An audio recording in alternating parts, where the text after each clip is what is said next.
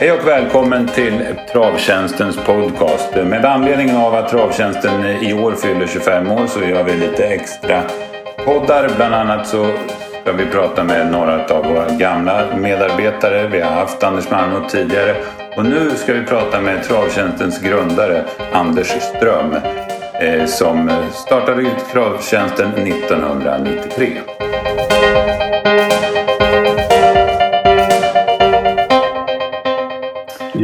Tack så mycket för att få vara med här. Det var kul att du hörde av dig om det. För det, det, det här är jag väldigt stolt över att Travtjänsten fyller 25 år. Man har varit med och dragit igång en gång i tiden. Ja, precis. Hur, eh, ta det från början Anders. Hur började det och hur började ditt eh, intresse för trav och eh, spela på trav och tippa trav?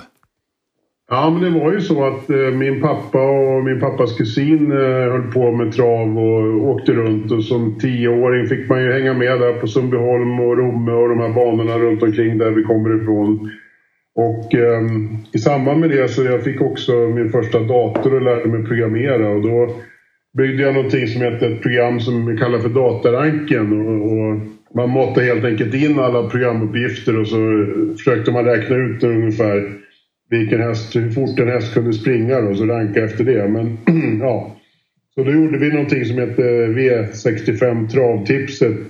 Jag och en kompis eh, som heter Peter Ögren som eh, vi höll på där och skickade ut det till några kunder. Och när man åkte på trav så hade man några stamkunder som köpte också eh, tipset och tippade efter det. Men ja, det gick väl bra någon gång men i långa loppet så, så var det mycket annat som påverkade också än bara vilka tider en häst kunde springa lärde man sig. Så att det, det blev ju, blev ju ändå en kul ingång då. Men, eh, men eh, sen höll man på att spela på trav och tyckte det var kul och så lärde man känna mer och mer folk. Och en av de som jag kom i kontakt med var Anders Jonasson då, Diamond.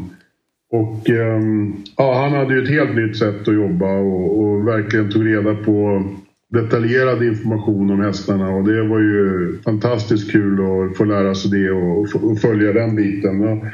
Och eh, när jag hade hållit på och spelat där under lumpen och, och ja, gymnasiet, lumpen och sen flyttat till Karlstad för att plugga på högskolan så hörde Diamond av sig och frågade om jag ville sköta DD-faxen åt honom. Han hade ju någon sån här speltips för Dagens Dubbel som han inte riktigt hann med.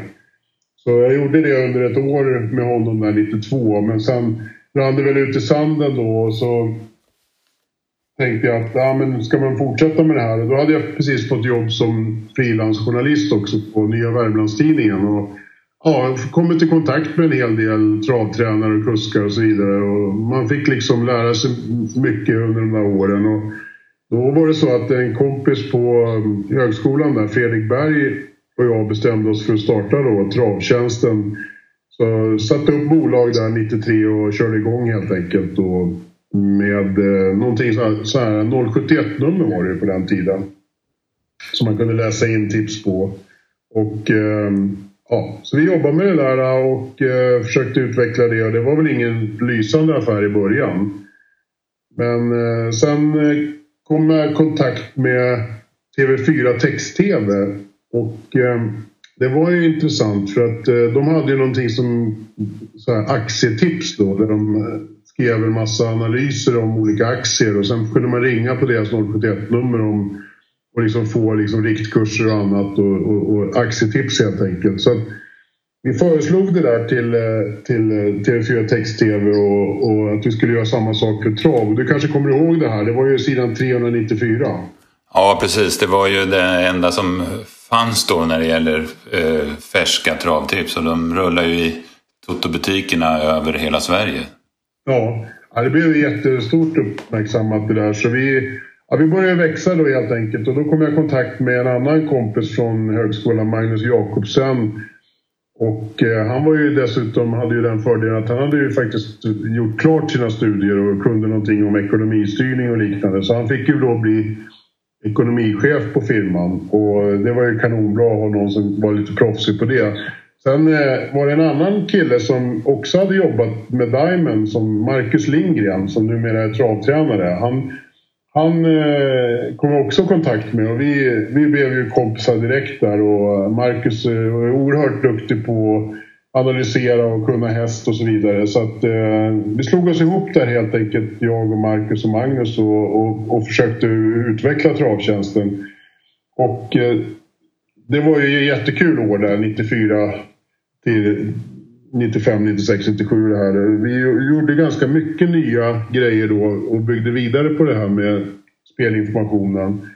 Framförallt en grej som, som eh, jag tror, jag tror vi var först med faktiskt. Det var Marcus han, han hade ju en jäkligt bra idé att vi, vi hade ju väldigt mycket information som vi sålde då men eh, är det inte så tänkte vi då att Ja, att kunderna vill egentligen bara veta vilka hästar som vinner. Så Marcus myntade det här med värvningstipset. Att vi skulle göra speltips ganska korta väldigt fokuserade på att i dagens dubbel 1 då står det mellan de här tre och i dagens dubbel 2 då vinner den här.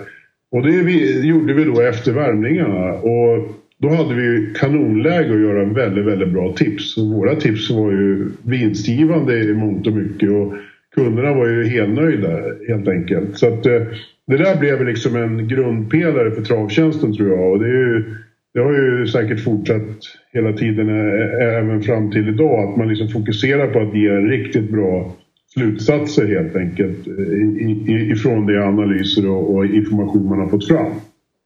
Ja, så är det ju. Det är så vi jobbar fortfarande faktiskt. Det, ja. det, det håller i sig. Ja. Ja, sen det, ni, ni utvecklade som sagt och ni, ni, ehm, ni var framgångsrika även både att sälja tips och även på, på spelet. Ja, vi höll ju på med, med spel och, och framförallt Eh, jag började ju titta på sportspel också, kom i kontakt med Dan Lindholm och, och, hans kollega Niklas på Sporttjänsten. Så vi slog oss ihop där och då började man ju titta på det här med att spela på idrott och det tyckte jag var ännu roligare just då. Men, jag hade varit i London och sett det här med bookies. Eh, och man, man, kunde spela på spelbörser och annat. Och, och eh, det blev ju otroligt intressant och då kom jag på den här idén med att man kanske skulle starta spelbolag på internet då för att i och med att jag hade hållit på med programmering och datorer länge så hade jag liksom följt det här med att internet växte fram under de där åren. Så, så någon gång runt 97 där så började det bli så att jag jobbar allt mindre med att göra speltipsen och så jobbar mer att vara entreprenör helt enkelt. Och då, då så tänkte jag att nej, men jag ska nog, jag ska nog göra någonting annat nu här. Så att um, helt enkelt flyttade utomlands då för att starta det som sen blev Unibet. Och eh, Magnus och Marcus eh, köpte ut mig ur travtjänsten och fortsatte att driva det vidare. Och det har ju det har ju gått jättebra för travtjänsten under alla år och finns ju fortfarande kvar och går bra för er nu. Så att, det, det är jättekul ändå att ha varit med under de där första fem åren och byggt upp någonting. Och sen, och sen har det fortsatt att fungera bra. Så det, det är kanonkul helt enkelt. Mm. Du, sen byggde du ju upp Unibet då, som, eh, ja, som har utvecklats till ett världsföretag kan man säga. Eh, hur, hur, hur är din roll idag så att säga där? Ja, nej, men jag jobbar ju på Unibet eh, eh, operativt de första tio åren och sen har jag jobbat mer från styrelsehåll då och jag har fortfarande kvar ett par procent i bolaget då. Det är ju börsnoterat nu och det är en helt annan grej eh, än vad det var från första början. Men jag har ju varit med och jobbat upp det här med att vi jobbar mycket med big data och eh, mycket, mycket datadrivet eh, företagande helt enkelt. Och Unibet har ju varit framgångsrika på det, att vi har en ganska väl fungerande organisation, en, bra produkt helt enkelt. Så att, eh, nu är vi ju bland de bästa bolagen i, i Europa på det här och jag jobbar ju vidare nu som styrelseordförande där och hjälper till med framtidens eh, strategier och vad vi ska satsa på i framtiden. Men det är ju inget det är ett, det är ett styrelseuppdrag mera eh, så att eh, nu jobbar jag även med lite andra små startups och, så vidare och, och, och, och försöker att fortsätta vara mer entreprenör helt enkelt. Men det här med travet och svenska travet, det har ju du absolut inte släppt. Du har Stallkorant här som du är en av de stora spelarna så att säga. Där har ni väldigt många hästar. Ja, precis. Ja, vi var runt 50 tävlingshästar och många av dem är unga då. De är två år och sådär. Så det, Men det är ju en del. Det är faktiskt, stallet går ganska bra för dagen måste jag säga. Nöjd med, vi har fina hästar nu. En del är nästan uppe i eliten också. Så att, eh, är jättekul och eh, det är ju det är liksom en grej så, som en del sysslar med hobbys, eh, golf och segling och roar som är det. Så att försöka få det här eh, och inte förlora för mycket pengar det, det är ju en stor utmaning men det är också väldigt kul att kunna åka på trav när man får lite tid över eh, och se sina hästar.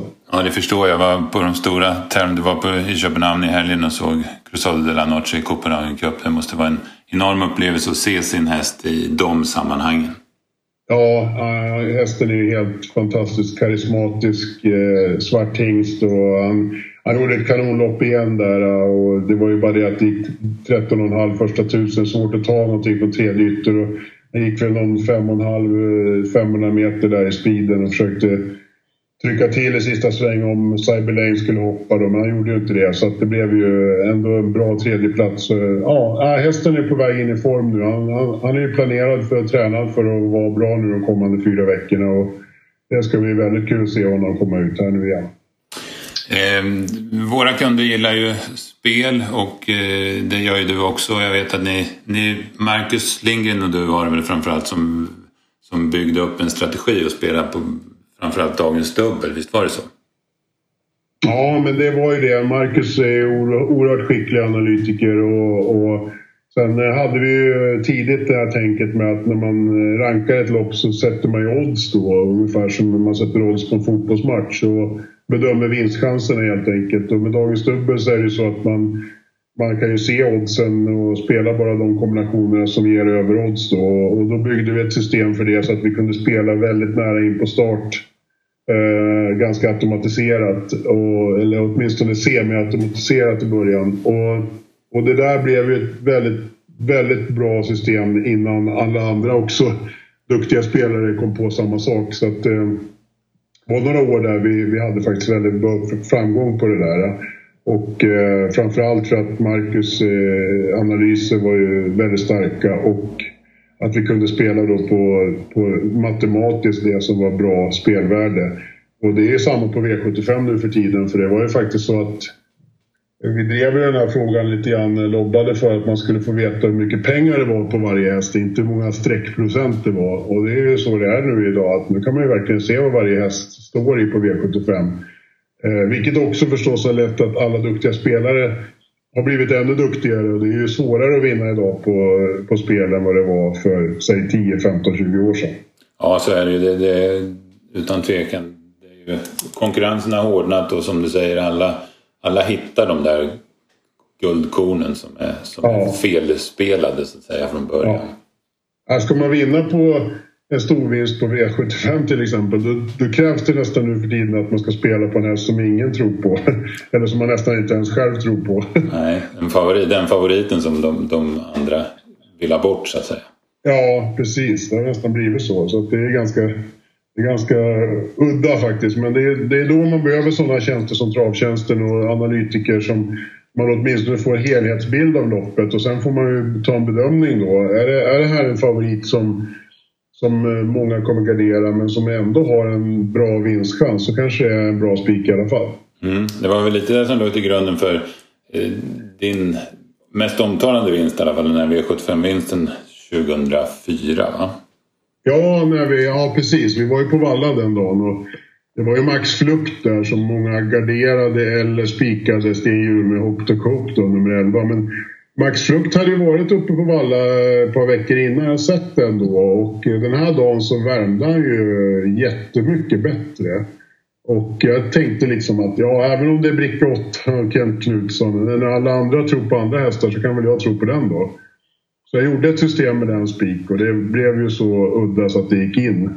Eh, och gav eh, ja, en vinnare 32 miljoner. Så det var ju Ja, det var ju en fjäder i hatten måste man säga. Det, det är ju inte så lätt att vara ensam på V75 och dessutom få vara det på Elitloppshelgen på Solvalla. Det, är, ja, det, är, det är lite som OS-guld faktiskt. Ja, lite så är det. Det måste man ju säga. Ehm, ja, du har mycket hästar. Bland annat så har du då, vi nämnde Cruzado de la Noche. Han är en som eh, finns där bakom och knackar på porten för Elitloppet. Eh, hur går dina tankar om det så här tio dagar innan?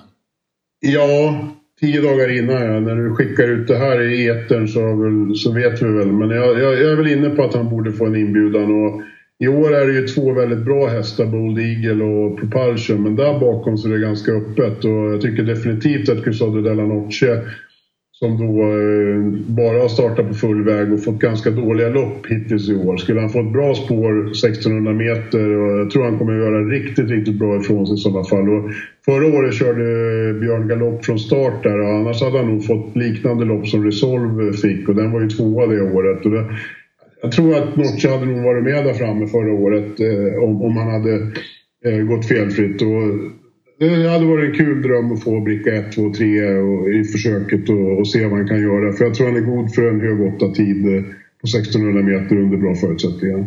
Mm, och som du sa tidigare då, att han är trimmad för att vara bra den här perioden nu som kommer. Ja, Stefan Melander han är ju duktig på att tajma formen på sina hästar tycker jag. Och han har ju verkligen sagt att det är, det är nu här, de här veckorna han ska vara riktigt, riktigt bra. Mm. Eh, vi kan jag nämna det också. Eh, vi hinner nog ut med den här i veckan och på lördag på V75 på Gävle så startar Disco Volante. En av dina många, många dina fina hästar som han är favorit i V75 7. Vad, hur går dina tankar där om vi får lite speltips också? Ja, nej men eh, Disco är ju väldigt bra för klassen och det är en häst som jag tror kommer att, om man får vara fräsch, gå upp i högsta eh, klassen så småningom. Och nu när han är i bronsdivisionen så provar vi att gå ut på Gävle. Han, är, han har fått en liten paus och eh, känns väldigt bra i jobben enligt Steffe. Och, eh, vi ska väl titta här om vi kan ta av eh, framskorna på honom nu. Antingen på, på lördag redan på Gävle eller också blir det till finalen då veckan efter. Så att det får ni hålla utkik på ni som ska ranka och spela. Men eh, Helt klart så den här hästen är väldigt, väldigt kapabel klassen och det, det, hade varit lämpligt att försöka kvala in till nästa final redan nu då innan man är med i finalerna. Ja precis, det blir ett perfekt upplägg och sen får en genomkörare till finalerna på Valla om en vecka. Ja, han är, han är ordningställd för att klara att starta tätt här två gånger nu så det, det, ska nog, det ser väldigt bra ut tycker jag. Mm. Jättebra Anders, och som avrundning där så tänkte jag fråga om hur följer du oss på Travtjänsten och är du med och kollar tipsen och sådär? Absolut. Jag, som jag sa tidigare där att eh, när vi jobbade med det här eh, så var det väldigt måna om att göra väldigt bra kvalitetsfyllda tips som man snabbt kan ta till sig om man inte har tid att göra allt jobbet själv. Och travtjänsten är ju det att när man, man kanske har jobbat hela dagen eh, i sitt vanliga jobb och så ska man ut på travet eller, eller göra en V7 på lördagen och så har man möjligheten då att snabbt få till sig bra analyser och, och slutsatser helt enkelt. Och travtjänsten är kanon på det fortfarande efter alla dessa år. Och det är väldigt kul att se att det går bra för er tycker jag. Och sen har ju konkurrensen även hos er hårdnat med andra speltips som finns också. Men jag tycker travtjänsten fortsätter att hålla hög klass och det är kul. Speciellt eftersom du och jag känner varandra sedan eh, alla år på pressrummen runt omkring på Mellansveriges banor så är det kul också att, eh, att du och andra är fortfarande med och jobbar hårt med det här och att det går bra. Ja, vi försöker så gott vi kan så att säga. Så att det, eh, ja, nej, men jätteroligt Anders att du hade tid att ställa upp eh, på ett litet snack här och vi fick bakgrunden till, till travtjänsten. Ja, det var kul att vara med och ni får ha så trevligt på eh, Elitloppshelgen. Jag vet att ni har fest på lördag kväll också. Jag ska försöka komma förbi och säga hej där och, och vore, vore kul att få fira det med ett underspel i Champions League-finalen kanske. Ja. Alla andra tror ju på över, så man får spela mot Salen då. Ja, att de är tyngda av stundens allvar och spelar defensivt. Ja, vi får hoppas på det. Ja, precis. Jättebra Anders. Vi får tacka så hemskt mycket och vi får tacka alla som har lyssnat. Tack, tack.